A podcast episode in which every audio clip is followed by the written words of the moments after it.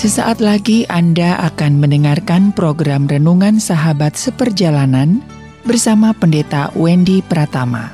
Selamat mendengarkan.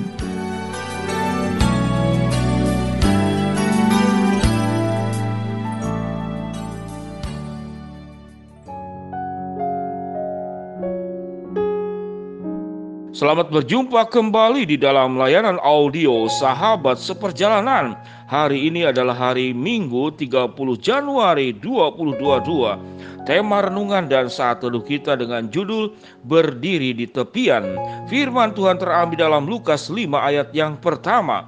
Pada suatu kali Yesus berdiri di pantai Danau Genesaret, sedang orang banyak mengerumuni dia hendak mendengarkan firman Allah. Mari kita berdoa. Bapa yang di dalam surga, kami ingin belajar hidup ini tidak selalu kami berada di posisi tengah, selalu menjadi pusat perhatian, pusat pujian, dan pusat segalanya.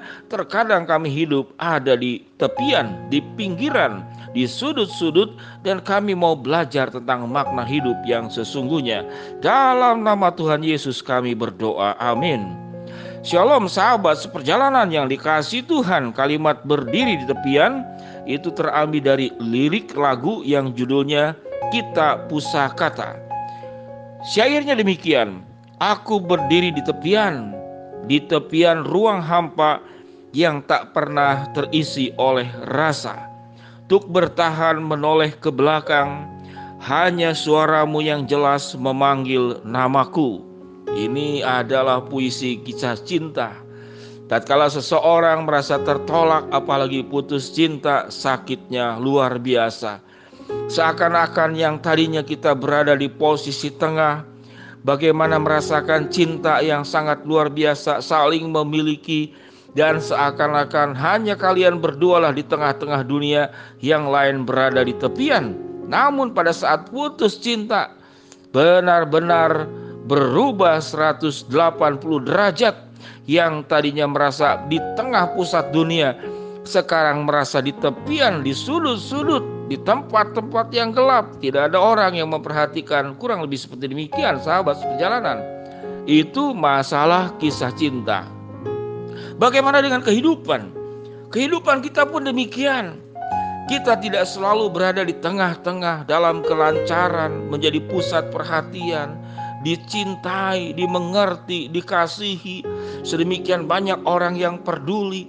Ada masa-masa seakan-akan dunia ini tidak ada seorang pun yang peduli kepada dirimu. Bahkan orang terdekat sekalipun anggota keluargamu tidak peduli kepada dirimu, bahkan merekalah yang menyakiti engkau, yang membuat engkau merasa hidup berada di tepian. Sahabat seperjalanan yang dikasih Tuhan, ingatlah firman Tuhan. Tuhan berada di setiap tempat, di sudut-sudut, di tengah, di atas, di bawah, di mana pun Tuhan berada. Kisah yang terjadi dalam Lukas pasal kelima ayat yang pertama dikatakan pada suatu kali Yesus berdiri di tepian di pantai danau Genesaret. Yesus mengunjungi orang-orang sampai ke pinggir pantai ke mana pun engkau berada orang-orang yang tersisihkan orang-orang yang kesepian orang-orang yang tawar hati Yesus mengunjungi engkau tatkala tidak ada orang yang mau bersama dengan engkau di tepian di sudut-sudut, di pinggir-pinggir. Tuhan mencintai engkau, Tuhan mengasihi engkau, Tuhan memiliki engkau, dan Tuhan menganggap engkau berharga luar biasa di mata Dia. Sahabat seperjalanan dunia ini memang melelahkan. Kita kalah bersaing, kita akan terpinggir di tepian. Kita kalah pesona, kita akan berada di tepian. Kita tidak berhasil, tidak mencapai target tertentu, kita berada di tepian atau dikeluarkan dalam sebuah perusahaan. Tatkala kita sudah tidak punya apa-apa lagi, teman kita yang dulunya sedemikian dekat, sahabat yang lebih karib daripada keluarga, namun karena satu dan lain hal kita tidak punya apa-apa, lalu kita berada di tepian, dilupakan. Dan itu tentu pengalaman psikologis yang tidak menyenangkan, pengalaman psikologis yang menyakitkan. Sehingga tidak heran kemudian segala sesuatu terasa sedemikian gelap, padahal kita berada di dalam kondisi terang benderang. Terasa segala sesuatu menjadi sepi, sedangkan kita berada di kerumunan dan keramaian orang. Sahabat perjalanan yang dikasih Tuhan, kalau kita punya perasaan-perasaan yang seperti demikian, ingatlah ada satu pribadi yaitu Tuhan Yesus yang rela hadir di sudut mana pun dalam kehidupanmu. Dia yang mau hadir di tepian danau Genesaret untuk mengabarkan kabar kebaikan di mana sedang orang banyak dikatakan mengerumuni Yesus untuk mendengarkan firman Allah. Apa yang dikatakan oleh Tuhan dalam firman Allah tidak hanya tentu tentang firman Tuhan, namun firman Tuhan yang berisi tentang kepedulian, firman Tuhan yang berisi tentang kasih dan penerimaan, firman Tuhan yang berisi tentang janji tidak akan meninggalkan engkau dan tidak akan membiarkan engkau. Sahabat seperjalanan, pada saat engkau mendengarkan sahabat seperjalanan ini, mungkin engkau tidak punya masalah dengan merasa hidup di tepian. Namun ingatlah, tatkala engkau tahu engkau mengenal ada orang-orang yang sebagaimana digambarkan dalam sahabat seperjalanan audio ini, maka kirimkanlah kepada mereka. Terkadang kita berbuat sesuatu yang sangat sederhana, mengirimkan berita kekuatan, mengirimkan bagian renungan yang pas dan cocok dengan orang tertentu. Kita sedang menyelamatkan orang karena ada firman Allah yang diberitakan melalui berbagai media termasuk sahabat perjalanan ini. Tentu Tuhan Yesus adalah firman yang menjadi manusia. Maka Tuhan Yesuslah yang datang ke berbagai tempat di tepian. Dari surga datang ke dalam dunia berdosa yang sudah berada di tepian. Mari kita menjadi berkat di mana pun kita berada. Jadilah perpanjangan tangan Allah tidak hanya menerima berkat-berkat Tuhan. Kalau kita pernah ditolong pada saat kita berada di tepian, Tuhan mengirimkan orang-orang yang mencintai kita, yang mengerti kita, yang menerima kita, dan Tuhan sendiri yang paling utama menolong kita. Maukah kita belajar peduli kepada mereka-mereka yang sedang berada di tepian, di, tiba, di tepian kondisi ekonomi yang sulit, di tepian oleh kondisi kesehatan yang memburuk, di tepian karena hancurnya rumah tangga, di tepian karena rasa tertolak dan sakit yang tidak kunjung sembuh yang ada dalam pikiran dan perasaan seseorang, maka jadilah utusan-utusan Allah untuk memberkati mereka sahabat seperjalanan.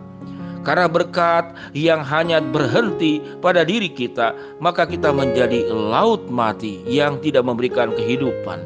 Yang terjadi hanyalah kumpulan garam yang ada dalam kehidupan kita. Biarlah kita menjadi air yang mengalir kita ditolong Tuhan pada saat berada di tepian. Dan Tuhan setelah menolong kita, maka Tuhan memanggil engkau untuk memberkati dan menolong orang-orang lain juga yang berada di tepian. Bagaimana caranya? Doakanlah mereka. Bagaimana caranya? Dengarkanlah keluhan mereka. Bagaimana caranya? Berdoalah kepada Tuhan apa yang harus engkau lakukan dengan hikmat bijaksana Tuhan untuk menolong mereka-mereka yang berada di tepian? Sahabat seperjalanan, Allah menempatkan kita di tengah-tengah cintanya. Allah menempatkan kita di tengah-tengah kasihnya. Allah menempatkan kita di tengah-tengah penerimaannya yang sempurna.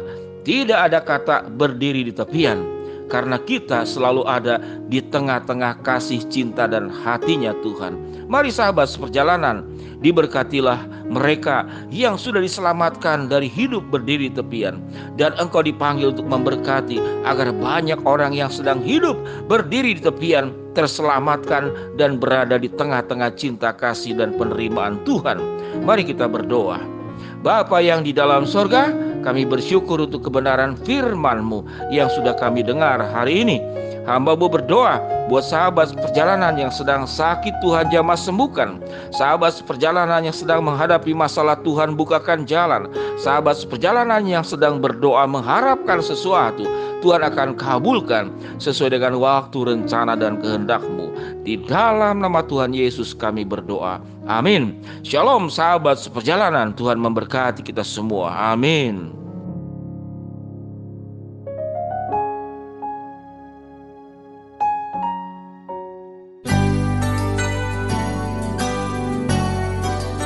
Anda baru saja mendengarkan program Renungan Sahabat Seperjalanan bersama Pendeta Wendy Pratama. Terima kasih atas perhatian Anda.